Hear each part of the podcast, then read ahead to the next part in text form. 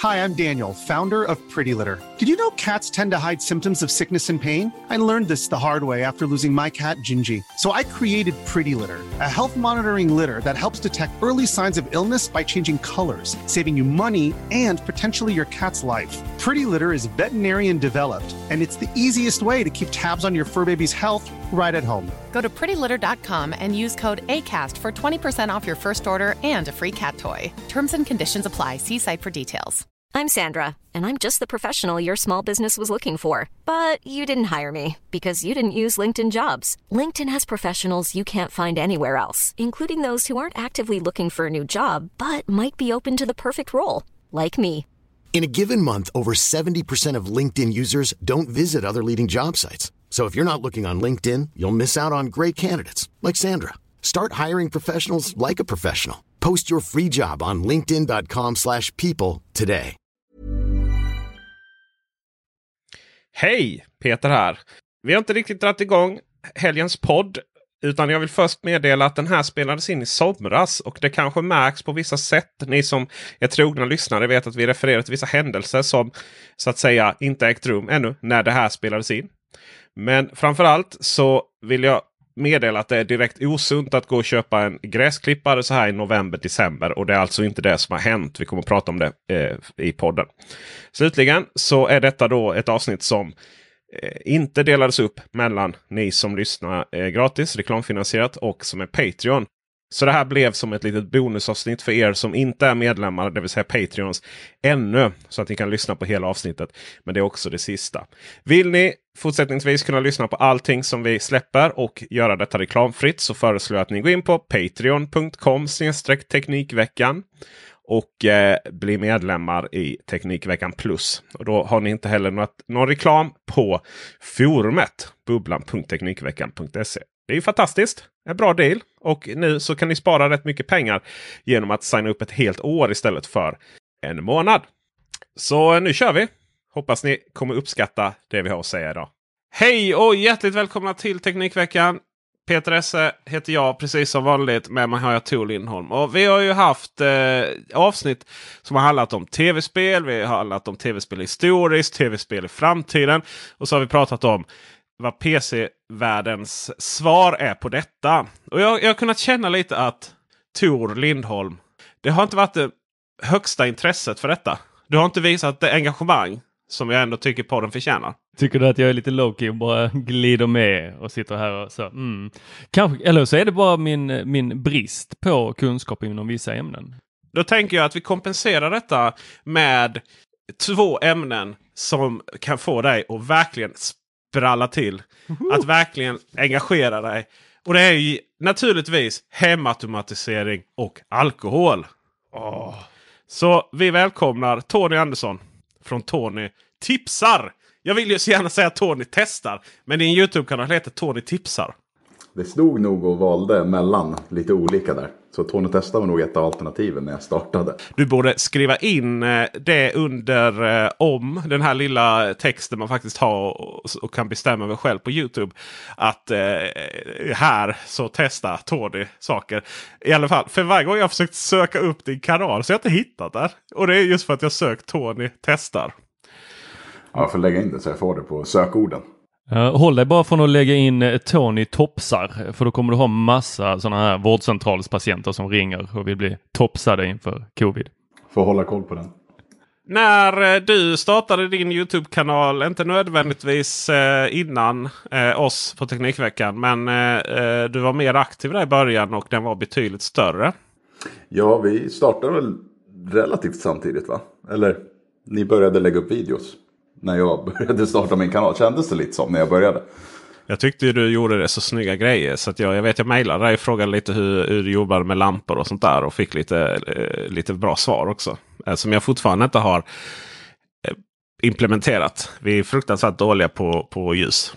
Jag har hållit lite koll på, på dina videor. Jag tänkte nu har jag fått tips. Nu kommer det bli ändringar. Nej, nej. Nej, det är som eh, vi, vi har lite olika inspelningstekniker. Mm. Du gör ju saker och ting väldigt fint kan man ju säga. Ja, det ser lite, lite, lite så här stilistiskt ut som en reklamfilm för UI-lampor. Man blir ju direkt sugen på att äta upp eh, både bilden och dig. Eh, ja, men dock har jag inga jordlampor Jag vet, du i har bakgrunden Lifex, va? på min. Jag har Lifex-lampor. Hur kommer det sig? När jag skulle köpa de första så satt jag och kollade, liksom jämförde olika. Eh, och såg väl egentligen att Lifex-lamporna hade mycket högre output, lumens output, än vad Philips Hue-lampan hade. Och det här var ju också när Philips Hue hade sina, vad var det, version 1 RGB-lampor som inte kunde visa just det grönt de inte kunde visa. De var typ, var typ gula eller något sånt. där. Ja, man kunde inte få den här eh, blågröna eh, nyansen som alla gamers använder till exempel. Ja, den här turkosakt. Ja. Just det. Nej, så det var ju därför jag köpte Lifex. eh, Och det var väl egentligen deras första RGB-lampa tror jag. Och den funkar fortfarande. Så det var väl uppenbarligen ett bra köp. Jag har eh, en del Lifex och, och eh, det mesta har faktiskt gått sönder. Utom ja, utom eh, själva lamporna, alltså eh, glö, glödlamporna höll jag säga. Men eh, s- E- E27 då. Men eh, någon eh, LED-list och eh, de här tilesen funkar inte. Och, Va, funkar inte de? Nej, de har gått bananas. Men de har också väldigt, så här, de har väldigt ge- generösa reklam reklamationsprocesser. Så är det ofta med amerikanska bolag. Eh, Mejlar supporten så skickar de liksom allting. Jag vet, jag, jag, något ställ till min ringkamera gick sönder. Då skickade de ju varenda färg och eh, dubbelt, trippelt av allt. Bara för att jag skulle känna mig trygg. Och sen de här LifeX Tiles. Eh, kontakterna till de strömkontakterna är så fruktansvärt känsliga. De går sönder så lätt. Men det har de bara skickat nya kablar så det löser. Ah, snyggt. Ja, det, är- det är riktigt schysst. Ja, jag fick lämna tillbaka min LED-strip också. Mest för att den, ja, den nöttes ut egentligen. Den hängde kontakten. Men det var också inga problem. Det var bara kontakta dem så fick man en ny. Jag är ju lite inne på att jag ska skaffa lampor till eh, eh, inspelningarna av eh, den nya Youtube-kanalen. Som vi har, eller nya nya, vi har bara rebrandat den. Satt på lite smink på den och så kör vi nytt. Eh, inte Teknikveckan Youtube utan Teknikveckan Podcast som nu heter Teknikveckan Rogue. Eller TT. Teknikveckan Tor. Eh, Så kan den också heta. Eller Teknikveckan Raw som du tyckte att det skulle heta. Ja, Eh, För den är är väldigt rå då. Den filmar egentligen bara mig framifrån och eh, om ni tyckte att den första videon jag släppte var mörk så har jag news for you. Den har andra blir kolsvart. Jag kommer liksom försvinna in i mörkret och så komma ut igen och så hålla på så. Det är så Game of Thrones avsnittet som alla kritiserar var för mörkt. Och på regissören bara sa ni har felinställda tvs. Klockrent. Ja, nej men där, där har jag kollat faktiskt på de här Leafex eh, Tiles faktiskt. Eh, för jag gillar ju dem. Då kan man få lite så ljus uppifrån. Men du, du Tony, jag kollar på en av dina videos. Du har ju en enorm lampa där eh, på ansiktet. Kör du fortfarande den? För det var ju ett tag sedan du la ut den videon om hur du gör dina YouTube-filmer. Jag kör fortfarande samma lampa faktiskt. Eh, och det är ju en sån här Godox SL60W. Den gamla godingen. Den gamla godingen. Kör du lite snett då eh, så att det blir lite så här dynamiskt ljus? Eller hur, hur, vad sätter du den lampan? Ja, den sitter väl, eh, vad blir det, 45 grader upp, 45 grader åt vänster. För att lysa upp den bra sidan på mitt ansikte. Alla har ju en fin sida och en dålig sida. Jag tror jag gick igenom alla eh, ljussättningsvideos som fanns på YouTube. Eh, ungefär. och det är ungefär det de säger. 45 grader upp, 45 grader vänster. Sen får man ju testa lite, lite själv vad man tycker är bäst. Ja, vi måste jobba mer med lampor helt klart. Vi ska återkomma mer till eh, dig och dina videos. Eh, och eh, vi måste ju också behandla spriten också. Innan det ska vi prata om veckans forumtråd. Och ironiskt nog heter den Hjälp med trådfri. Så någonstans om man tycker att Hue har sina skavanker och eh, Lifex också. Så, så, så är det ingenting jämfört med när Marcus Attefors, vår kära kollega och vän på Macradio 99 Mac, ska installera sina trådfrilampor. Staten är hjälp, ingenting fungerar. Slutet är jag köpte Hue. Tony, har du testat eller tipsat om trådfri mycket? Jag har ju kört några, jag gjorde ju några videos där, vi gick igenom, där jag gick igenom alla deras produkter eller vad man borde köpa. Eh, så hade han tittat på den så hade han nog kommit igång med det. Inte, inte köpt. Det finns ju några processer i den installationen som gör att det är lätt att misslyckas. Om man inte har tålamod. Jag tror ju att trådfri har varit den största drivaren till folk att köpa Hue. Alltså de köper trådfri och sen har man det i kanske några månader och sen tröttar man på att det inte är tillräckligt bra. Har man väl knäckt koden då, eller vad man ska säga i sammanhanget, så är de ju rätt lätt att installera. De är ju rätt lätt driftsäkra. Men jag vet i början, jag var också så trött på det innan jag liksom förstod att men okej, det finns några saker som, är, eh, som, som stör ut installationsprocessen. Och det är ju framförallt det att man följer instruktionerna. Det ska man ju absolut inte göra. Du ska ju liksom inte hålla, i, hålla in 10 sekunder och sen vänta. Du ska ju hålla inne liksom tills du ser notisen om att det är löst. Om det är en minut, om det är två minuter, håll inne! Uh, och sen även i, i början så var det väldigt svårt. Och, eh, alltså man visste inte riktigt hur man återställde fjärrkontroll eller handkontroll och så vidare.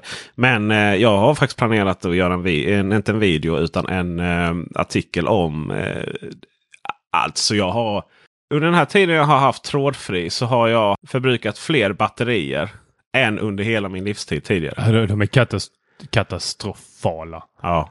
på batterikonsumtion. Eh, rörelsedetektorerna eh, äter batterier. De här första kontrollerna äter batterier. Däremot så eh, de här nya mindre knapparna. Där, de håller i all evighet. Det är nästan så liksom Ikea skulle återkallat dem kan jag, kan jag känna. De har gjort om rörelsedetektorerna också. Jag antar att de har löst det där. Trådfri är eh, som du säger tror jag en bra ingång till Hue. Eh, en sak att tänka på är ju att eh, det går inte då att koppla ihop lamporna med gatewayn utan en, en liten kontroll. Eh, jag gjorde ju sex tips om Ikea trådfri. Och den är ju en av de mest tittade. Och de kommentarerna där. Jag har ju fått kärleksförklaringar om folk som har skulle åkt till liksom 20 mil, 15-20 mil till Ikea. Eh, kollade videon och insåg att hade de inte sett den så hade de då fått, eh, fått åka. För hade de inte tänkt köpa kontrollen hade de fått åka tillbaka 20 mil till Ikea och köpa kontrollhelvetet. Liksom. Ja, det är ett jättekonstigt beslut av Ikea. Att man måste ha en kontroll för att koppla ihop lamporna ja, det, det finns så mycket i det där som är så konstiga beslut. Utöver att, alltså bara det att man måste ha en kontroll för att synka eh, någon enhet. Eh, sen, så de här smarta rullgardinerna det är enda anledningen till att jag sitter på en sån här Ikea eh, Gateway. För att eh, det, ja, det är väl de enda egentligen som är prisvärda på marknaden idag. Ikea sådana här trådlösa rullgardiner som man kan styra upp och ner. Men deras beslut av att du nollställer en lampa genom att klicka upp, ner, alltså sex gånger tror jag det är på vanliga strömbrytaren. Alltså är det ingen på Ikeas utvecklingsavdelning som har barn? Varje dag så återställs de.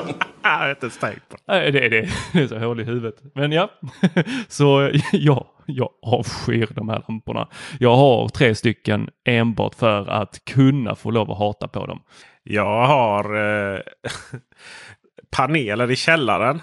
Som ju inte är så flyttbara. Vilket jag inser ett problem nu. För jag, eh, jag bara väntar på att inspela in min video om eh, det, den här. Det var, ju, det var ju kanske den videon som satte igång Teknikveckans rullians på riktigt. Då. Det var du och jag som spelade in den hemma hos mig Tor. Och den är ju värdelös. För då visste vi inte hur vi synkade eh, bländaren är det, va? till... Eh, Slutartiden till eh, LED-belysningsfrekvens.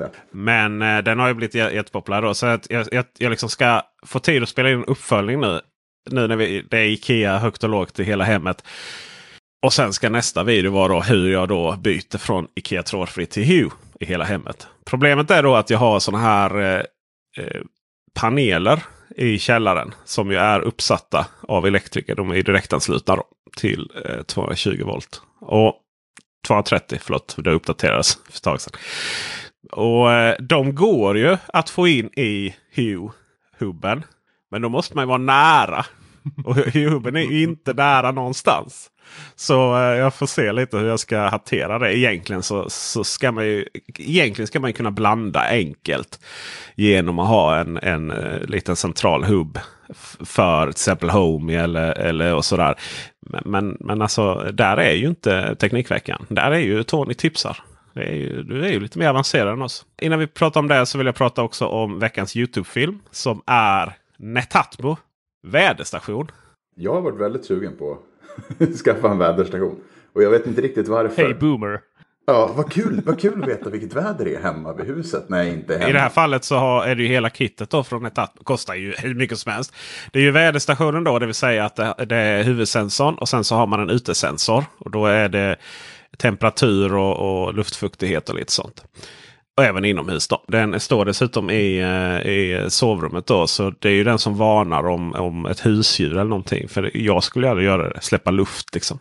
Då är det så här varning, varning, luftkvaliteten är akut dålig. Sen så är det ju sån regnsensor på utsidan har satt och eh, nu en vindsensor. Så nu, nu vet vi precis hur mycket det har regnat och lokalt och vi vet precis hur mycket det blåser lokalt här runt huset. Jag hade ju kunnat tänka mig att skaffa en sån för att ha koll på min uteplats för den, eh, den har liksom ingen naturlig eh, då jordsättning ner till marken. Så den kan liksom inte, eh, jag bor på tredje våningen men har ändå en uteplats eh, så där är ingen, liksom inget dagvatten som rinner förbi sådär. Eh, utan jag hade ju behövt, jag ska ha ett bevattningssystem så då hade jag ju velat veta, har det regnat, har det inte regnat? För då vill jag inte vattna. Du tänker ja. så ja. det är ju det är smart, det är rätt avancerat. Men i övrigt är, har, har jag tror jag hamnat lite där som Tony där. Ja, det här är ju häftigt. Uh, ja, och det är på plats. Och det går att få in i HomeKit. För Apple-användare. Det är faktiskt på hos mina föräldrars hus som det är installerat. Mm, och sen då? Hur går man vidare i livet efter det? Du får ta Tors idé. Du får börja bygga automatisk bevattning. Man måste ju bygga ut sitt system för att... För det ska bli meningsfullt. Ja, för att det ska bli meningsfullt att ha de här grejerna. Och då helt plötsligt så kanske inte detta då är det bästa heller. För att då kanske det finns andra system som är bättre att koppla ihop med de här egenbyggda systemen. Ja, det finns ju ett eh, Akara-system. Eh, det är i och för sig via Bluetooth, men sådana här Akara blomsensorer som man kan stoppa ner i eh, krukorna. Den borde du, du borde ju kunna stoppa ner dem ute i trädgården också för att kunna se där hur fuktig är jorden. Det är ju kanske om möjligt ännu bättre. Ja, jag har ägnat lite tankeverksamhet åt detta, det ska jag kännas. Totalkostnaden för det här, en väderstation är 1700 kronor ungefär. Och sen så vattenmätaren går på 700-800. Men den här vindsensorn den är alltså 1100 spänn. Herregud. Är det värt det Peter? Du brukar ju prata om träningsklockor. Att det inte alltid är jättebra att hålla koll på allt sin hjärtpuls yes. och allt vad det är. För att det skapar lite mer stress än vad det är tänkt ja. att lösa. Och Då är det ju så här att min far, här, vi äger lite skog då eh, här i, i eh, Blekinge. Och eh, i Blekinge har ju grova problem med grundvattnet på sommaren. Och det är problem med torka och det blir barkborrar på träden och så vidare. Och, och det är några somrar som är väldigt torra då. Så då eh, har ju, alltså den här, han, går, han har ju kollat på den vattenmätaren var femte minut. Sen rapporterar mamma. Har det regnat? Har det regnat? Han vet att det regnat. Men det blir en sån här tics liksom. jag vet inte om det, om det är bra eller dåligt. Och sen, sen är det ju det här med oh. eh, vind då. Det är ju, blåser det för mycket så blir det ju vindfällor. Och det är ju inte så jättekul att hantera. Han har ju dessutom fått en över sig en gång och hållit på att dö. Eh, tråkigt när det händer. Men eh, då så eh, ska jag installera vindmätaren då. Då kommer han igång. Undrar det blåser? Blåser för mycket nu va? Eh, men det är roligt med teknik i alla fall. Alltså jag, jag fan, man behöver liksom ett, eh, ett, en hjärna av stål för att hantera all den här datan tror jag. Eh, ja, särskilt om det är, det är liksom ens eh, verkliga darling som man börjar hålla koll på.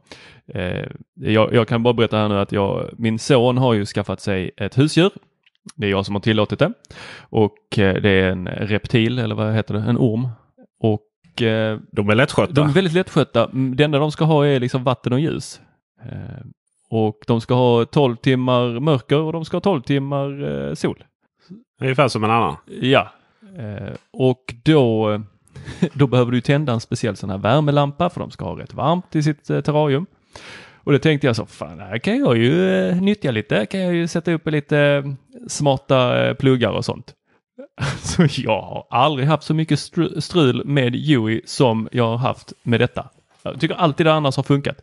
Helt plötsligt, det går inte att fixa hos Yui. En, en enkel sån här, den ska slå på då, slås av då.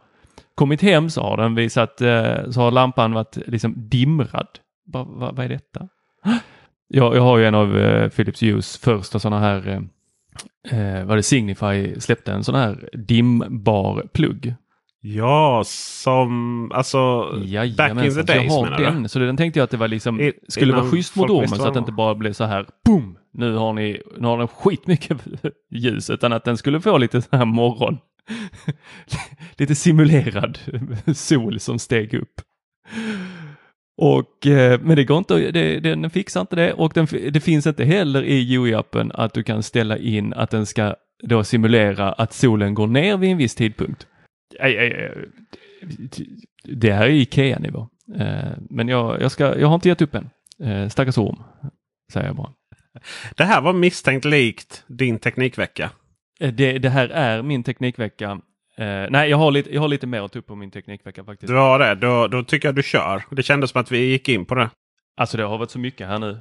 Eh, Jag kan inte nätverk. Jag vill gärna lära mig nätverk. Jag sitter och pillar på nätverk. Och jag har ju skaffat de här Unify-grejerna. Eh, Så jag, det slutade med att jag fick ta kontakt med eh, IT-supporten igår.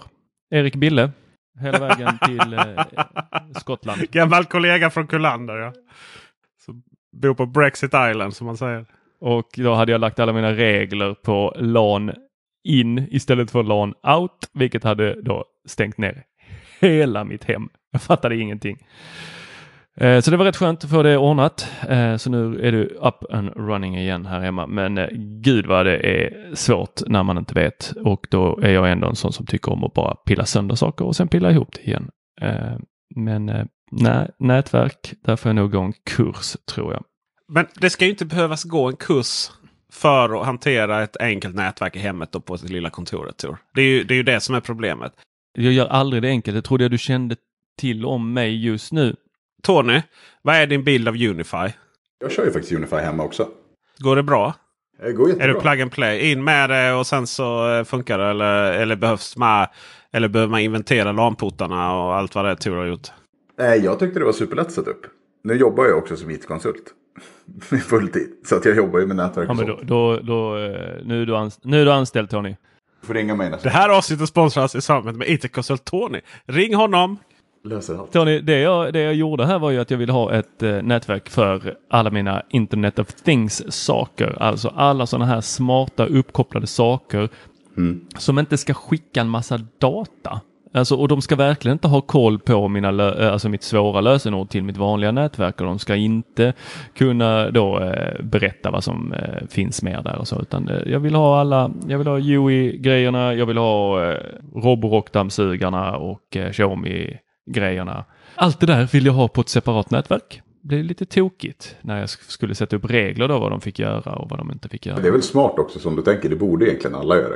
För att speciellt Roborocken, då är det Xiao och alla Xiaomi-produkter. Man gissar ju på att de konspirationsteori skickar tillbaka saker till Kina.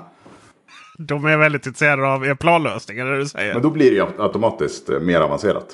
Om du ska separera två olika nät. Och få dem att prata med varandra också. Det är väl det som är, alltså att om man ska.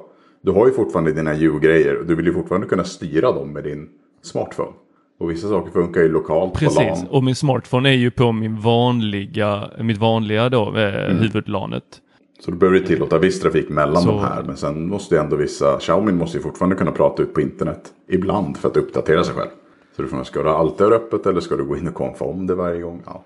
Jag har en tes som Unify. Jag har insett att det är lite Sverige kyrkan nu. Men min tes är att inte ens Unify liksom har bryggat över eller kompenserat eller stå över naturlagarna när det kommer till radiovågor. Eh, anledningen att i min mening Unify funkar så väldigt bra. Det är ofta att det kommer från att du har haft ett underspesat nätverk. Du tänker att jag köper den här routern för 3000 spänn. Det är klart att det ska täcka allting. Eh, sätter man den i mitten av huset och så blir det skit. Eller att du har två stycken mesh eller tre stycken mesh-enheter. Som, ja men det här ska ju vara så enkelt och allting ska vara uppkopplat trådlöst. Jag behöver inte dra några kablar eller någonting. Och så funkar inte det. Och så bara, ah, okej, men jag har hört att Unify det ska vara riktiga grejer. Köper man basstationerna, accesspunkterna, Eh, dra, ta dit en elektriker, de ska, för det vet man, det ska liksom upp med kablar och så vidare. Och sen helt plötsligt har man ett mesh-nätverk som inte behöver mesha eh, med varandra utan att, att alla enheter får nät. Då. Och sen så viss intelligens på enligt den, så att säga vad man förväntar sig för den kostnaden. Men jag skulle vilja hävda att eh, man får fortsatt samma problem. Till exempel med mobiltelefoner som är uppkopplade mot en accesspunkt. Och sen springer man ner andra sidan av huset. Och så är den fortfarande ansluten till den för den vägrar släppa den. Och så har man ändå lite dålig mottagning. Kan nätverkstekniken bekräfta mig eller säga bete dig din slashas? Nej, Vad det, säger det du är Tony? klientfel. När du inte roamar.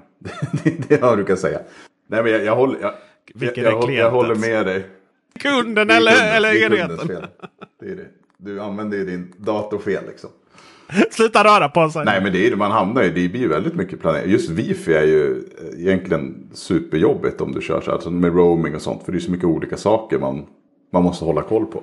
Styrka, det- de här automatiska styrke, vad ska man säga, inställningarna som man kan sätta in. De funkar ju typ aldrig. Du får ju det här roaming-problemet som du säger Peter. Att du springer från en sida av huset till den andra och så har du en plupp för att den vägrar släppa accesspunkten i köket.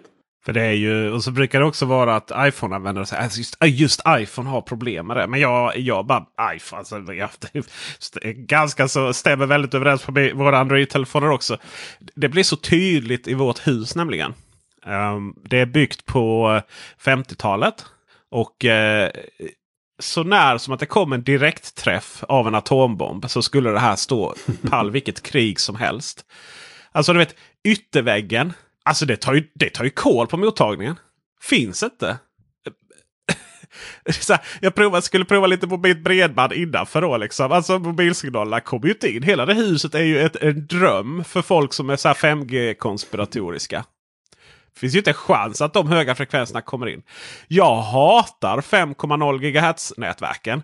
Jag fattar inte varför till exempel mina ringkameror tvunget ska ha den funktionen i eh, dess premiumkameror. Jag bara men sluta! Det går inte ut, 5 5,0 GHz signaler ut för ytterväggen ens, eller ytterdörren. Liksom.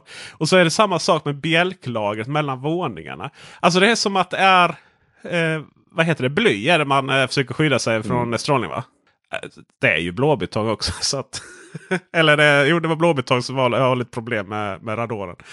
Uh, eh, så att det är helt noll. Så att det är verkligen, du vet man springer ner från övervåningen uh, ner till undervåningen. Och totalt tappar mottagningen. Den har ju en liten, liten, liten kontakt. Ni kan se det framför er en film. Någon håller på att ramla från en klippa. Och så ser man liksom. Man håller inte för, går från att hålla över varandras armar till att hålla varandras hand till att hålla varandras lillfinger. Och så hänger den där och vägrar släppa. Och så får man då eh, av och på med wifi så kopplar den på eh, accesspunkten som är i vardagsrummet istället. Det är ju skitirriterande. Hur kan nätverk vara så fruktansvärt korkade? Nu när jag flyttade hit, eh, två våningar, uteplats och körde jag min eh, Apples gamla AirPort Extreme måste det varit. Den sista de släppte. Den klarade ju med nöd och näppe att eh, skicka lite signal mellan våningsplanen.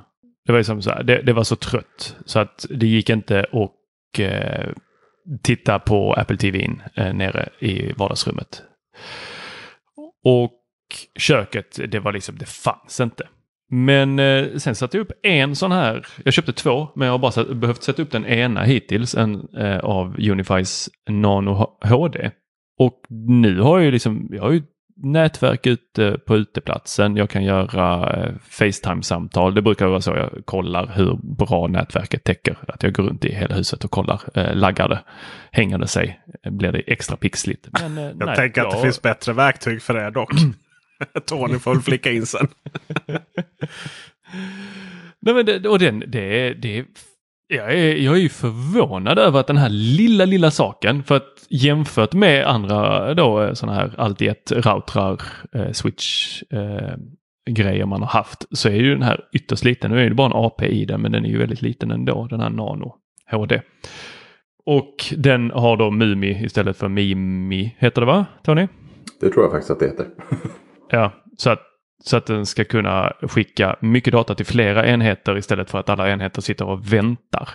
Eftersom eh, har man eh, andra personer som bor i ens hushåll så vill de ju gärna då eh, eh hålla på med sånt band, eh, saker som kräver mycket bandbredd som att spela och titta på film och lyssna. Alltså jag är det är nog inte bara att det har dragits kablar utan den här ligger fortfarande på ovanvåningen precis där eh, Apple, äh, vet du, AirPort AirPort Extremen stod. Så att eh, jag är Jag är mycket förvånad över hur mycket enklare det var, eller mycket bättre det är med Unify än vad det var med Apples egna. Det glädjer mig. Tack att du är glad. Vet du vad jag har skaffat den här veckan?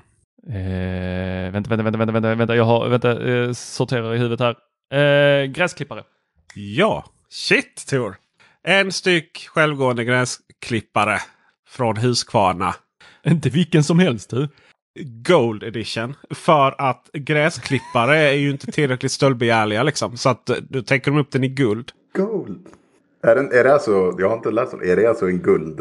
Det är ett guldskin på din robotgräsklippare? Ja, det är ju det. Eh, guldfärg då. Den är, är då väldigt lite karat på den. Men den är, de har som special edition. Eh, så om man köper den så utöver att den kostar ju absurt mycket pengar. Då, så eh, får man då en Google Home-högtalare med. Om man köper den. För den är ju röststyrd. Om man så vill. På tal om nätverk måste den ha nätverk. Och den här eh, Husqvarna-roboten. Den är både så fantastiskt smart och så stendum korkad. Jag menar, jag tänker så här. Min dammsugare på insidan. Den har en eh, laser så målar den upp rummet. Och så går den där eh, zigzaggar och är jättesmart. Och sen så den här gräsklipparen då. Då får man ju kommer en installatör som har en special eh, grej från Husqvarna som drar ner en sån här kabel. Och sen så kör den runt där. Alltså den gör ju jobbet men den kör ju runt utan någon som helst. Det känns som att den har inte någon plan utan den, den kör där och så bara boop, Oj, ja, där var kabeln. Ja, då får vi byta håll. Upp, upp, och så får man byta håll. Men när vet den att den är klar då? Eh, Eller det är en sån evighetsprocess, liksom gräset växer ändå så den kan bara gå hela tiden. den går ju hela tiden. Tills den får slut på batteri, då laddar den. Nej, så är det inte riktigt. Den delar faktiskt upp det, har jag, har jag fått förklarat för mig. Att den delar upp den i fyra zoner och så kör den då lite där och sen drar den tillbaka och sen där. Jag sa ju att jag har ju typ ingen, jag har ju liksom ingen gräsmatta överhuvudtaget. Utan eh, då eh, så eh, kan ni väl skicka den liksom som är minst då. Uh, och uh, uh, ja, då skickar de X-Line Automover Limited Edition. arbetskapacitet 1600 kvadratmeter. 26 900 kronor rekommenderat pris inklusive moms. Men den har faktiskt GPS i sig då så den har lite koll på vad den är. Den har ju givetvis strålkastare så att den ser riktigt ond ut när den kör här på gräsmattan. Tony, har du gräsmatta? Ja, ja, jag fick gräsmatta i februari när vi flyttade. Ja, men grattis, hus. grattis. Ja, tack. Jag skulle vilja påstå att en gräsklippare är en mänsklig rättighet. Även om det är bara en liten plätt som vi har så är det... Alltså vem klipper gräsmattan för hand? Nådens år 2020. Efter september. Innan så gjorde jag det i alla fall. Det är ju fruktansvärt. Och, och den här börjar då på 9 mm. Börjar klippa då. Den, den kom in då i vår... Eh, Fick, kom ju video på detta också givetvis. Den kommer in då i vår gräsmatta som är som en djungel. Då, regnskog. Eh, och så börjar den klippa.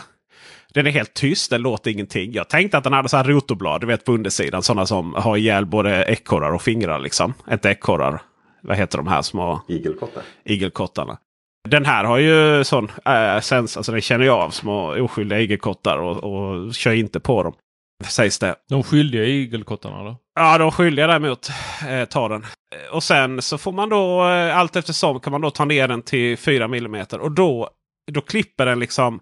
Då klipper den ju bara någon, någon liten millimeter varje gång.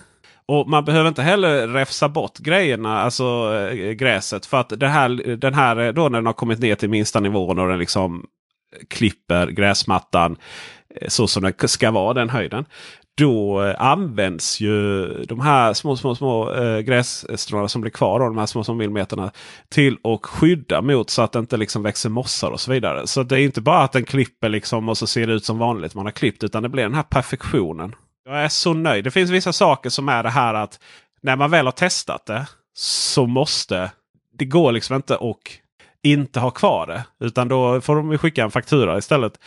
Eh, vissa saker är ju inte så. Till exempel eh, olika eh, övervakningskameror.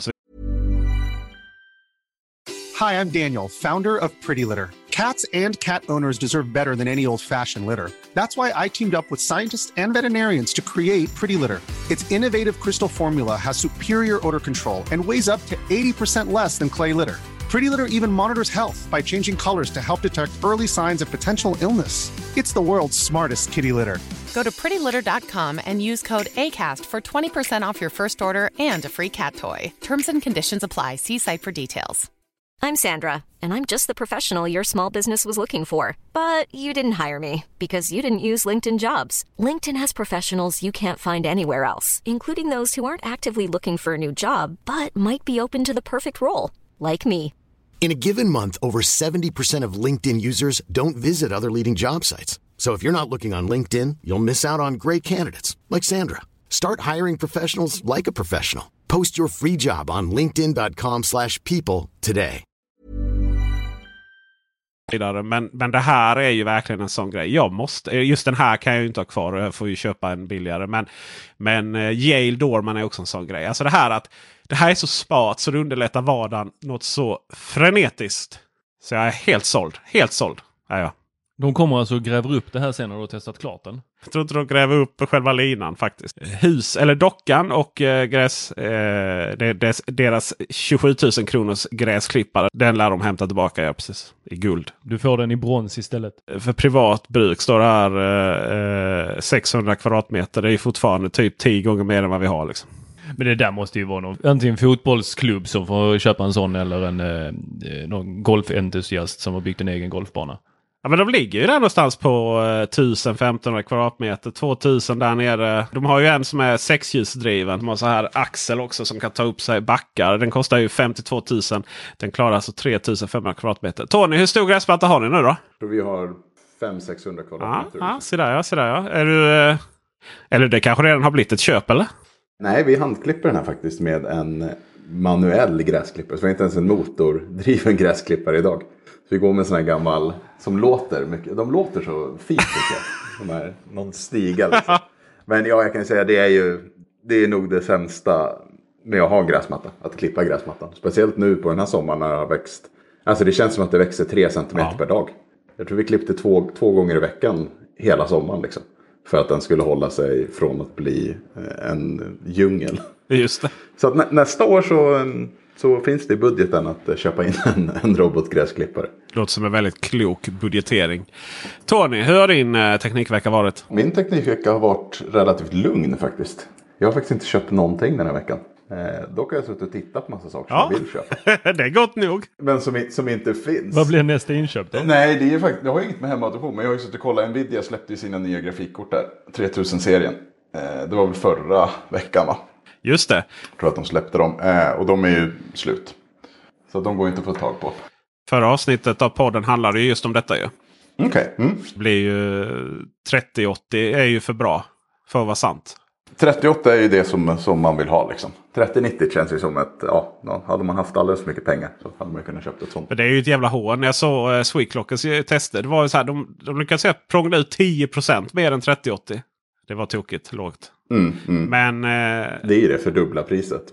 är du en gamer? jag gamear ju lite ska jag säga. Och just nu så har jag fastnat för eh, nya Flight Simulator 2020. Och med den setup jag har nu så kanske jag har 40 FPS i 1080p. Så att man skulle ju vilja ha någonting som är lite bättre.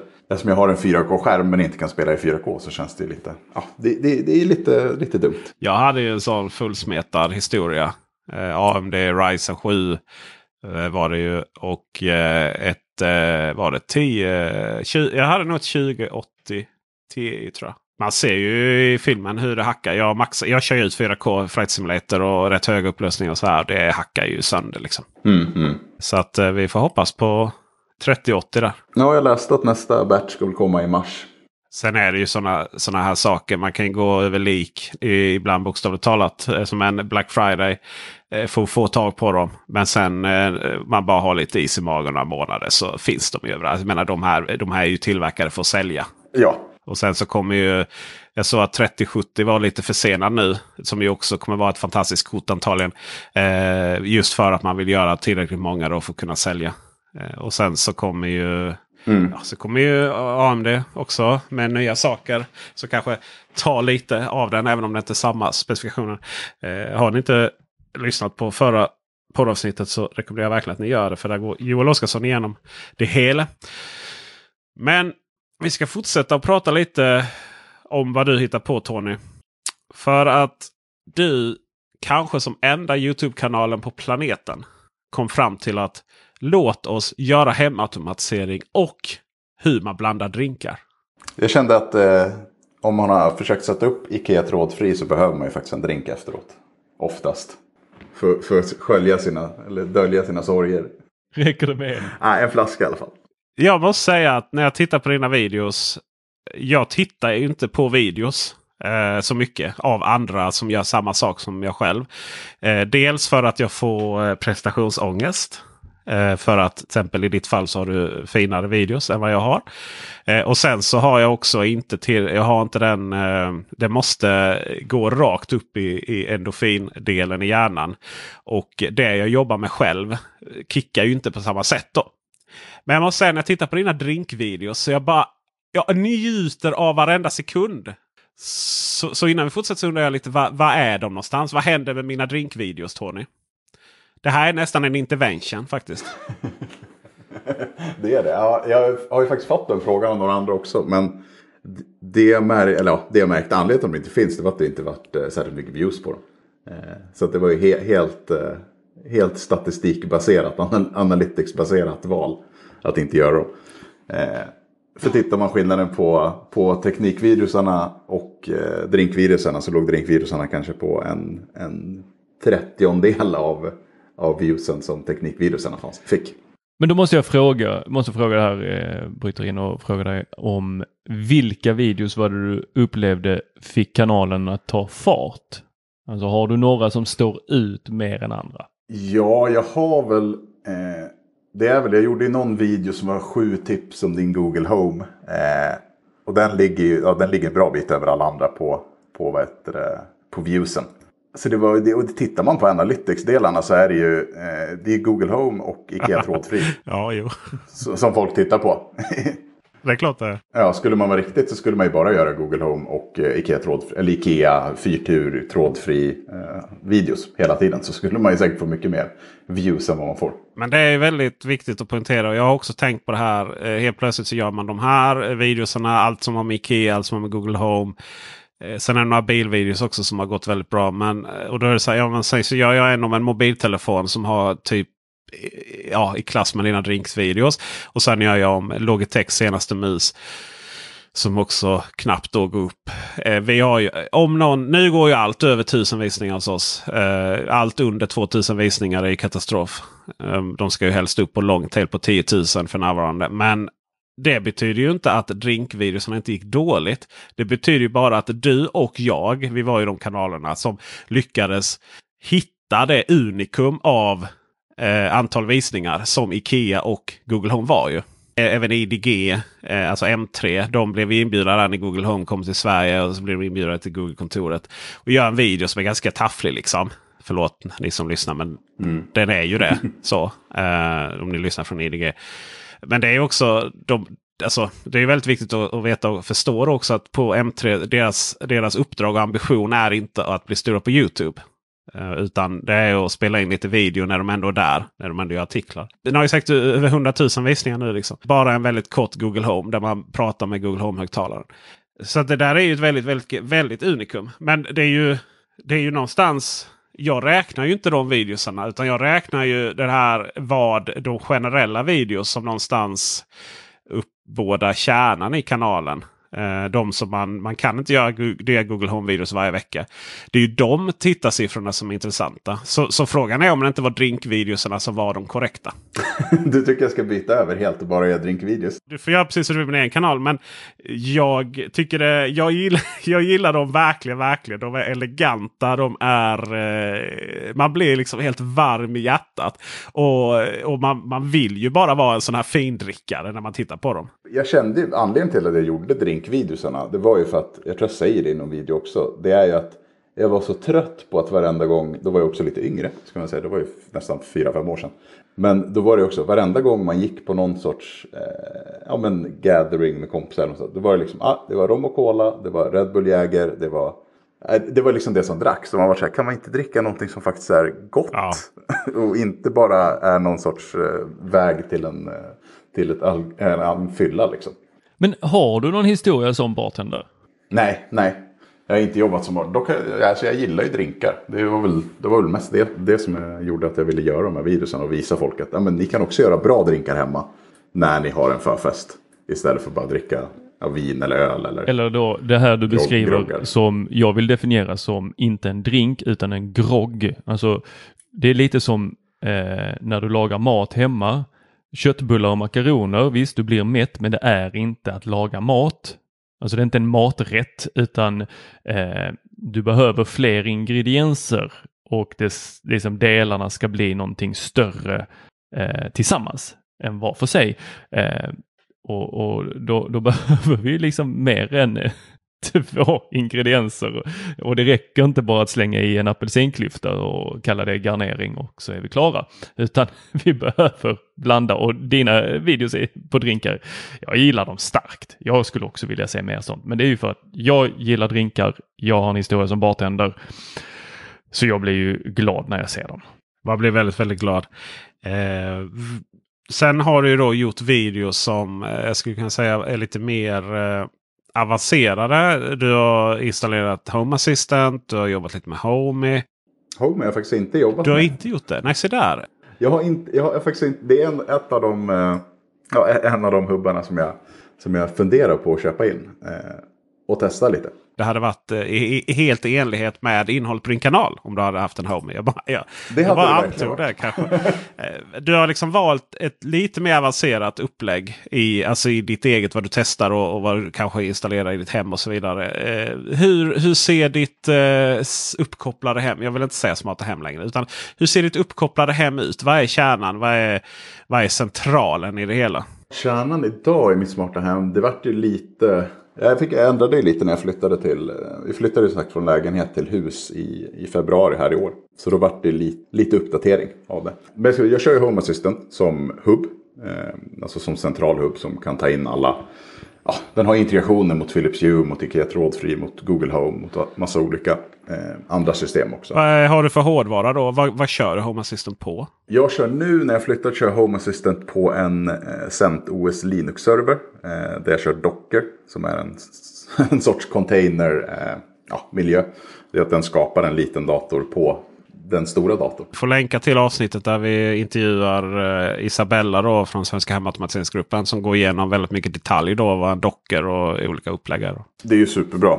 Det är ju halvkomplicerat. Men det, det finns ju så superbra guider också på nätet. Hur sätter man upp Home Assistant i en dockermiljö? Hur gör man det här liksom? Så det, är- det är grunden. Och sen har jag nu gått över. Förut körde jag en Philips Hue Hub och en eh, Ikea trådfri hub. För att egentligen styra eh, de olika lamporna.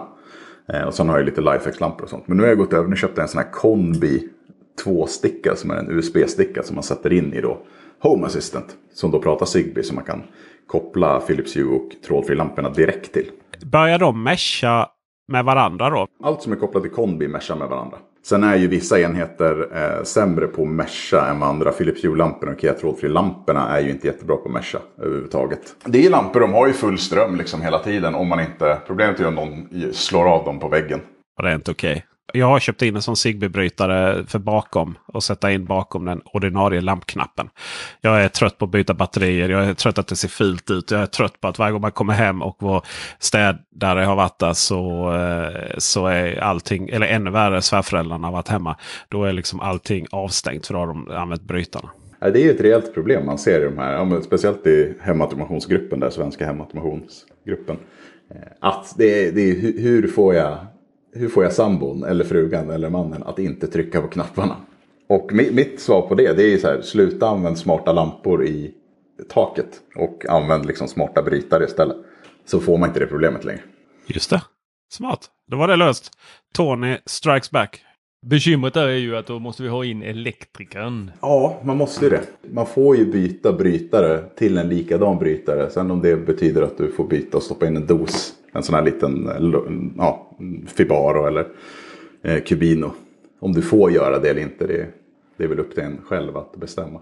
Men det är också en disclaimer man har överallt. Gör inte det här själv utan ta in en elektriker. Det här radhuset vi bor i köpte vi och eh, flyttade vi in. Och sen var det problem med ja, strömmen gick liksom. Så hade vi elektriker där. Han sa det. Det här är nog någon som är visserligen är behörig men som aldrig har jobbat med det här. Typ, det, var, alltså, det, var, det var konstiga saker men det fanns ändå liksom eh, saker som tydde på att, att personen i fråga hade nog någon form av utbildning men, men hade liksom aldrig jobbat som elektriker, hade ingen erfarenhet. Och sen så ja, ah, men du har, du har behörighet, du kan väl göra det. Så han fick ju dra om mycket där. El mina vänner är eh, bokstavligt talat livsfarligt i eh, fel händer. Så att man ska ha respekt för det. Och jag ska, med det sagt så har jag, jag håller på att sammanställa. Men jag tror, eh, jag tror att elektrikerräkningen här på två år. Eh, både privat och lite, lite företaget också. Kombinationen av det är över, jag tror det är över 60 000. Oh, herregud. Kostar att vara på topp när det kommer till eh, att installera eh, saker och ting i hemmet. Kost, kostar att ha ljuset tänt. Det kostar att ha ljuset tänt, ja precis. Jag ska, göra, jag ska göra en total sammanställning där faktiskt för mig själv. För det är så abnormt mycket pengar. Men varje gång, det, det är så mycket grejer som eh, till exempel eh, om man ska upp bara de här kamerorna som kommer eh, ringkamerorna. Eh, vissa då är det ska anslutas direkt då mot elen, fast installation. Men eh, mycket av de här, eh, det verkar som att mycket av de här ringkamerorna och dess konkurrenter utgår från att alla sitter på en gammal eh, sån här ringklocka på insidan och har dragit ut lågvolt på utsidan. Det här, eh, alla 80-tal. Det är ju ingen som har idag. Hur, hur har ni gjort där Tony eh, i ert hus? Har, har ni, vilket år är det byggt? Vårt hus är byggt 64. Jag tror vi har ringklockan kvar från 64 också. Då är inte det den här fula 80-tals eh, fyrkanten som sitter där uppe med lite så här vågor fram. Vet du vilken jag menar? Ja, exakt. Exakt den vi har. det var väl typ den som fanns då liksom. Ja, det, det fanns nog en liksom. Det var en importör som sa men jag har monopol på ringklocks uh, chimes. Det också tycker jag är roligt. Varje gång jag ska skriva om det så har jag svårt att översätta det. För det är så okej okay, nu har jag gjort en recension av en ringklocka på utsidan. Och då måste man skriva, ja då måste du ha en ringklocka för att det ska funka. Chime är ju, eller vad säger man, ringare eller vad säger man? Ja, jag vet inte vad man ska kalla det. Nej. Vi har ett sånt projekt nu eh, Tor. Kan vi en gång för alla, eh, kan du berätta hur? Mm. har du också en 80-talsringare på insidan? Jag har också en 80-talsringare på insidan. Jag, jag har för mig att det är den här vågen. Jag är inte helt hundra hundra. Eh, det var väl de som var kopplade till de här som var lite, såg ut som en tändsticksask på utsidan. Ja. Och eh, när jag var liten trodde jag att alla hette Fridland i efternamn. Just det. Tillverkaren där. ja. Eh, men jag, på eh, det här huset så är det en, en sån här eh, av de avlånga. Samma sån vita runda knapp men den är då smal och avlång istället. Så den sitter precis på dörrkarmen. Heter det också Fridland eller? Nej, det står ingenting på den liksom. Det, där är ingen sån, eh, man kan inte sätta in efternamnet. Det är löst där lite nere va? Jag har för mig det, ja. att det var någon sån, lite, lite, lite upplyst där och så var den liksom vinklad. Det såg väldigt futuristiskt ut på 80-talet. Eh, ring eh, Doorbell Pro är ju den som måste anslutas på de här då, två kablarna. Eh, och sen så Netatmo som vi ska installera är samma sak där. Nest Hello samma sak där. Eh, sen finns ju Ring med batterier också och, och som du då kan eh, koppla mot en en eh, egen sån chime som du sätter i som är liksom en egen enhet då, som du bara stoppar in i vägguttaget. Men det är inte billigt med hemautomatisering kan vi konstatera. Och det, välkommen till det svarta hålet att ha hus Tony. Ja det känns som det. Det har gått, eh, gått en del pengar redan och vi har bott här i Jaha. sex månader. Så att, eh, är det också därför det har varit lite, och här kommer ju, här kommer ju intervention igen då. Är det därför det har varit lite låg aktivitet där under ett tag? Ja, det har väl varit både det och lite att det varit mycket annat liksom i, i, i livet eller vad man ska säga. Eh, och sen eh, får jag väl erkänna, man har varit lite lat också. det har liksom varit så här, man är på lördagen och man är så här, man bara, nej men nej, nej, jag gör den imorgon. Och så på söndagen så gör man inga videos för då är det söndag. Och då vill man bara ligga i soffan och kolla Netflix. Det står ju i Bibeln. På sjunde dagen så görs det inga YouTube. Nej. För det här tycker jag är jätteintressant. Jag känner igen det också. Man har kanske större ambitioner än vad tiden räcker till. Och, och sen när man väl just det här att om du både ska producera video som ju är det kanske mest avancerade kreativa man kan göra. Och ha ett dagsjobb också heltid. Då kan du inte ha någon annat. Då finns det ju ingen fritid att ha. Då kan du inte stå på fotbollsplanen på lördag morgon och, och kolla på när eh, ungen eh, står i mål. I mitt fall. Eller vad gör Sölve Tor? Ja, han står inte i mål, han bara springer efter bollen. Ja, det är, också en, det är också en verksamhet.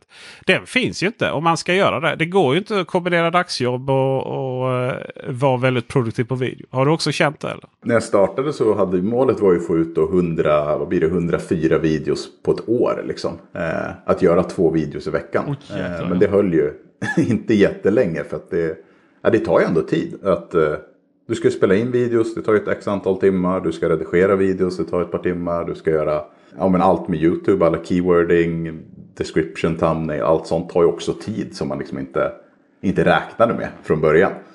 Tar det verkligen en och en halv timme att göra en bra thumbnail eller skriva en bra description? Ja, det gör det ju. Det är ju jag har ju ja. jämfört det här med videoredigering som samma svarta hål som man sitter och spelar datorspel, tv-spel. Särskilt sådana som inte riktigt har något slut. Liksom. Alltså målet är väl egentligen att släppa en video i veckan. Det är väl det som, man, som skulle vara superbra. Men det går inte alltid heller. Men du, du har det som mål ändå. Liksom. Vi, vi, vi får se lite en uppgång här. Vi som är, vi som, eh, är inte riktigt lika avancerade som, som dig. Eh, och så kan man gå in på din kanal och ändå titta och lära sig. Det är det som är målet, en i veckan. Men eh, kanske plockas ner också till två i månaden istället. Du kan ju börja med att blanda en drink som passar bra till det du ska prata med. Ja, det skulle man kunna göra. Oh, och börja cool. med, då blir det liksom två videor. Just det, just det. Jag har ju gjort det med, jag skulle eh, visa hur, eh, först var det väl en Sonos Move. Ja, just det. Då var det lite, det hela syftet med Sonos Move är att ställa den bredvid grillen. Ja. Då får man ju grilla också på film. Och det är inte så att man bara ställer sig och grillar och sen slänger maten. Så då får man ju tajma det med lunch. Då. Så att eh, jag hade ju eh, sagt till familjen att det är lunch vid 12. Sen någonstans 15.00 börjar de undra när det blev mat. Är maten klar? Video, jag måste spela in några scener till. Lite, lite B-roll här, lite grejer. Ja, absolut så. Nu ska jag eh, faktiskt recensera Meter Plus, termometern, som är helt awesome faktiskt. Det är också samma sak där. Det är, då, då, då, måste du först och främst skjutas en älg. För att eh, nu är det slut på grisköttet här. Vet du. Det ska inte recenseras något mer griskött. Så att, nu måste vi ut och skjuta en älg innan det blir video. Så det, det tar ju lite tid att göra det. Men det glädjer mig verkligen att eh, vi kommer att få se fler videos. Då, då var liksom syftet med eh, hela den här inspelningen klar. Då är det klart. Då är det färdigt. Bra, tack. Frågor på det? Tor? Tony? En, en av reglerna jag satte för mig själv när jag började var liksom att gör snygga videos, alltså estetiskt tilltalande videos var liksom ett av, ett av målen också. Eh, därav ja, att det är bra ljussättning och att det är bra bakgrundsljussättning och sådana saker det, är liksom ett, det var ett av målen för jag ville att det skulle liksom vara snygga videos för folk att titta på. Eh, jag tyckte inte att det fanns då när jag startade eh, kanalen på svenska YouTube att det fanns någon som gjorde det. Eh, så att, nej, jag tror inte jag kommer Gör det göra... fortfarande inte. det, det, nej, det, det, finns bara en. det finns bara en. Kavaj och äh, näsduk instoppade. Ja, de, har ju försvunnit lite. Jag har kört lite med t-shirt nu på slutet. Ja, det ser lite mer bad boy ut Jag gillar det. Jag gillar ja. det starkt. Det är till och med en där jag tror du har en munktröja på dig. Det var eh, nästan personlighetsförändring där faktiskt. Ja, det, det blir en annan känsla. Det känner jag också. Det känner man även när man sitter där. Så blir det en annan känsla att ha kavaj och skjorta på sig mot att ha en t-shirt eller en tjocktröja. Liksom. Eh, dock så var det otroligt varmt uppe i min studio. Eh, under sommaren här. så det gick inte att ha på sig kavaj och skjorta för du var dyngsur efter tio minuter. Om, om ens det liksom. Hur är det med tummarna ner och eh, hatarna? Eh, jag har faktiskt inte haft, nej, jag har knappt haft någonting sånt alls. Jag har en video som är den mest eh, sedda videon på hela kanalen. Som handlar om den här 4K-skärmen jag köpte som är en Philips-skärm som kostade ja, 3000 spänn och sånt. Eh, den gjorde jag ju på svenska. På, på samma sätt som jag gör med andra virus. Det var lite B-roll eh, och sen var det mycket mig, jag som pratar liksom talking head. Eh, intervjustil eller vad man ska säga. Eh, men den videon har ju då hittats av otroligt många människor som inte pratar svenska. Som blir skitsura för att videon är på svenska. Men har du, vad är rubriken då? då? Eh, rubriken är ju 4K IPS-skärm för under 3200 kronor. Och sen står det ju Philips och sen artikelnumret 27, ja, 276 okay.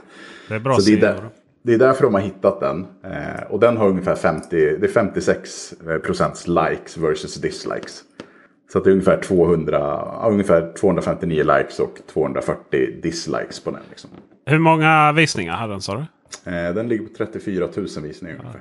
Du får väl eh, slänga dit lite engelska undertexter då. Det skulle jag ju kunna göra. Eh, dock så är ju den nu ja, nästan två år gammal. Så att den, den får leva där den lever. Det får det göra. Som så Men annars, mycket annars har jag inte haft så mycket, mycket. Alltså annars är det mest trevliga kommentarer. Tycker jag. Folk som undrar saker och folk som frågar och är, och är glada. Och jag gör ju också det att jag tar ju bort där faktiskt alla. Om det kommer en dålig kommentar så blir det en block och en delete. Ja, den den är- personen direkt. Ah, du Nu jobbar ger du så Tor idéer här. Nej, nej, nej, nej, nej, nej, nej, nej, nej. Alltså, det, det, så här, jag vill ju, jag vill ju åt eh, den här, jag vill ju trigga den här algoritmen med mycket kommentarer och eh, kommer hatarna så är det ju mycket kommentarer. Alltså både dislikes och likes ger väl ungefär samma exponering på YouTube tror jag. Alltså Men har jag du en video som har jättemycket dislikes så är det, ja, det är lika bra som har mycket likes. Så eh, jag, jag skippar ju saker som att raka mig och sen så kommer folk och kommenterar då min dåliga skäggväxt. Du har liksom Yes. hittat din grej. Jag tyckte att jag hade lite för mycket positivt och mycket kärlek. Så då, det var ju då jag gjorde en rant om 5G-motståndare. Just det vad arga folk blev. Där är folk väldigt arga. Väldigt, väldigt arga. Det, går, det finns många variationer av arghet där. kan jag säga. Alltifrån långa argheter till korta argheter till eh, intellektuell arghet till eh, du är tjock din jävel arghet. Ja, eh, Men så. de har varit arga för att du rantade mot det här att folk tror att 5G är farligt. Och att, Ja, men, eh, där så långt vill jag ju inte liksom eh, ge dem att jag gör en allmän rant om att 5G är farligt. Utan det var ju att, eh, eller ett allmänt rant mot 5G. Alltså, eh, kritiken riktas ju mot personer som springer runt och lägger alldeles mycket energi och är rädd för eh, helt ordinära radiovågor. Och man var ju rädd för 3G och sen 4G och sen 5G. Men det som liksom kärnan i videon, det som gjorde att nu får jag någonstans sätta ner foten här. Det var ju att en Stockholmsskola installerade skydd mot eh, strålning då på sina eh, accesspunkter. Och, och ka- kapslade in iPadarna i, i material som skulle minska strålningen. Och det är ju så ubotat dumt. Rent tekniskt så, så är det ju väldigt korkat för att då ökar ju då jobbar ju iPadarna hårdare på att få mottagning och ökar då effekten. Eh, men framförallt eh, också då accesspunkterna. Alltså att om man vill ha mindre strålning. Då ska man ju ha fler accesspunkter. Så att igen då avståndet. De inte behöver jobba så hårt på avståndet. Men, men hela det här att man liksom blandar in någon form av eh, centrum av kunskap. Skolorna. Jag menar det är ju någonstans där så vill, vill, man, eh, vill man att eh, vill man påvisa då eller vill man eh, prata med barnen om det här. Då ska man ju uppmana dem att bli radiologer istället. Liksom. Det är konstigt det där med, med alla konspirationsteorier som finns. Chemtrails och ja. Det är ju samma gäng. Det är ju antivaxare, det är ju, är ju eh, chemtrails, det är ju eh, 5G och eh, Big Pharma. Och, alltså det är ju hela gänget där liksom. Det är ju, en, det är ju ett paket man köper. Så att eh, där är, de har ju hittat dit. Och det var, jag ska väl vara, jag var väl, jag, det var ju syftet givetvis. att jag skulle se, jag var ganska säker på att den skulle spridas. Så, eh, den kommer inte upp så högt när man söker på 5G. Men det, det, den har, den har det är överraskande få eh, visningar. Jag tror den var uppe i typ runt 10 000 nu. Liksom. Men eh, du vet, jag hade tänkt som kunde mala iväg rejält. Men eh, ofta är det ju så här när vi är i den här branschen också. så Vi kan ju mållåsa och tycka att vad är det här för eh, stolpskott. Eh, och de är ju överallt just för att vi är intresserade av det här. Men sen i det stora hela så är det inte så många som springer runt och är oroliga över 5G. Nej, det är nog mycket keyboard warriors som sitter hemma på, det, på sin dator. Eller Facebook. 5G är ju dessutom det, den eh, förändringen i våra mobila nätverk som jag tror minst människor ur liksom den allmänna massan är intresserade av. Det är, ju, det är ju ingen som har lyckats påvisa vilka fördelar det skulle vara. Förutom då möjligtvis vår då poddintervju med en professor från Lunds universitet som pratar om de riktiga fördelarna. Eh, som vi länkar till också. Jävlar vad mycket reklam det blir för vår egen podd. Men den allmänna massan har ju ingen aning vad fördelen med 5G är. Det, det, menar, det, är så, är det går snabbare. Snabbare var att snabbchatta eller? Det behöver ju så mycket högre hastighet. Alltså om man kollar mobiltelefon. Då, det behövs ju inte särskilt mycket högre hastighet. Än vad 4G har idag. Nej, och 5G kommer inte ge så mycket eh, större hastighet. Utan det är ju den låga latencyn. Som är 5Gs fördel. Det vill säga att eh, du kan ju inte riktigt eh, styra maskin och sånt över 4G-nät. Mm. Alltså det är för hög latency. Det har väl alla som spelat Fortnite över, över mobila nätverk. Eller skyller på det i alla fall. Utan det är framförallt latencyn i, i 5G som är eh, okay. väldigt, väldigt mycket lägre. Då. Och sen så handlar det också om frekvens. Eh, att man helt enkelt har andra frekvenser att jobba med. Eh, delvis flera. Vilket gör att det kommer att bli eh, kapaciteten i nätverken kommer öka. Eh, och sen ironiskt nog så kanske de som märker mest skillnad det är ju landsbygden.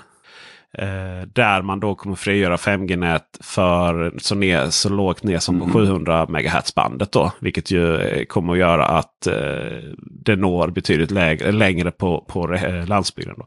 Det har ju egentligen ingenting med 5G att göra. Man kan inte göra på 4G-nätet också. Jag tror det kommer vara teknikneutralt faktiskt. Jag tror att man tillverkarna själva kommer, eller inte tillverkarna, jag tror operatörerna själva kommer att behöva besluta om att eh, Ska till exempel mina föräldrar på landsbygden i Blekinge få bättre täckning genom att de bara bygger ut 4G-nätet? Eller kommer man tvinga dem att köpa 5G-mobiler för att få bättre mottagning då för att man kickar igång det nätet på 5G? Så att det är ju väldigt mycket det här att det, det är så mycket mer val för operatörerna helt plötsligt. Olika val och tjäna pengar snarare kanske än fördelar. Då. Men kommer vi hamna i det här gamla som var Ja, det är väl inte lika mycket nu, men okej, okay, bor du här då måste du ha Telia för annars kan du inte ringa någon alls överhuvudtaget. Det tror jag inte, utan vi har ju kvar eh, gamla 4G-näten och 3G-näten är ju kvar i samma master. Alltså att, eh, så att det är ju det här att eh, om du har lite problem idag så kan det ju vara så att 5G-utrullningen eh, kommer att påverka. Sen det som de här eh, både industrin delvis och även de här 5G-hattarna eh, pratar om. Det är ju de här millimeter wave. Alltså vi pratar frekvenser på runt 30 mm. mm. gigahertz. Då. Och för de som eh, har lite, eh, så lite inte stenkoll på alla som inte är IT-konsulter då så, så kan man ju säga så här då. De gamla NMT-näten, gamla analoga näten, gick ju på 450 MHz. Då. Vi hörde nyss att vi kommer ha 5G-nät och kanske 4G på 700 MHz. Och sen så ligger, sen ligger de mobila nätverken, alltså både 3G, 4G eh, och 5G ligger ju någonstans då på eh, så här förenklat 2 till 3 GHz ungefär. Och sen så har vi ju och sen så har vi några som börjar spinna upp mot då 5 GHz och, och, och, sånt. Och de trådlösa nätverken jobbar ju då som vi har pratat om innan på 2,4 GHz. Och det gör även Zigbee och Bluetooth va? Eh, Zigbee Bluetooth ligger på 2,4 ja. Just det. Så där är ju extremt tajt där någonstans. Eh, och sen då så finns det ju eh, och sen har vi ju då de här 5 GHz nätverken Wi-Fi. Som då ligger eh, de är faktiskt inte uppe riktigt i 5 GHz 5,0 egentligen. Men man, man, förkort, eller man förenklar det då. Och då har ju de eh, och då vet man ju då att ju lägre, högre, för fler hats vi har. Ju eh, svårare är det för att komma igenom material och, och distans och sådär. Eh, och då så var det någon och så började man då. Det var lite roligt. Det är Ericssons fel det här. Eh, då eh, så sa man att eh, ja, men vi måste ha fler. Eh, vi måste ha fler band. Så ja, men eh, kan vi inte köpa så här 30 gigahertz eller någonting? Ja visst. Då, så börjar man frigöra det runt om i Europa. Då. Eh, och, eh, och då är ju alla då liksom att det här det kommer gå snabbt. Oj oj oj. Det, och, och sådär. Men herregud, om, om vi har problem att 5 GHz-näten har svårt att komma igenom bostäder. vad tror ni då? alltså, de här 30 GHz-nätverken kommer inte igenom en, en, en nyckelpiga. Nej. Det är inte det som är den stora revolutionen då, även om många tror det. Utan det om möjligt kommer ju sådana användas som interna sändare på Typ om det är väldigt, väldigt mycket folk. Eh, så på bässhallar, torg och sådana saker kommer man antagligen ha dem. Då. Eh, och våra mobiltelefoner stödjer ju inte ens det. Eh, och Det är det som kallas millimeter wave. Och eh, bara för att eh, avsluta den lilla side-noten så eh, idag så om man är lite rädd för de här millimetervågorna då man pratar om att det är de som är farliga. Då ska man hålla sig väldigt långt borta ifrån varenda motorväg för att radar använder dem idag. Och radar, vad har vi det i bilar? Adaptiv farthållare. Kör vi radar? Gissar jag på. Adaptiv farthållare, ja precis. Så eh, är du ute och kör på motorvägen så är du garanterat att du har lite millimeterwave som bara trycker dig i röven. Så alla de här eh, foliehattarna bör hemma sluta köra och inte bil. gå ut. Grejen med det är att de kommer ju inte igenom bilen. För hade de gått igenom bilen så hade ju radarn varit rätt värdelös. Det är ju det som är hela poängen. Det var en eh, liten, eh, en liten utläggning där. Jag, eh, uppenbarligen så hade jag något inom mig på de här kommentarerna på Youtube-filmen som var tvungen att komma ut. Vi tackar Tony Andersson. Och tack Tor Lindholm. Yes, tack Tack, Peter. Ständiga vapendragare. Jesse. Så hörs vi nästa vecka. Hej! Hej! Hi, I'm Daniel, founder of Pretty Litter. Did you know cats tend to hide symptoms of sickness and pain? I learned this the hard way after losing my cat, Gingy. So I created Pretty Litter, a health monitoring litter that helps detect early signs of illness by changing colors, saving you money and potentially your cat's life. Pretty Litter is veterinarian developed, and it's the easiest way to keep tabs on your fur baby's health right at home. Go to prettylitter.com and use code ACAST for 20% off your first order and a free cat toy. Terms and conditions apply. See site for details.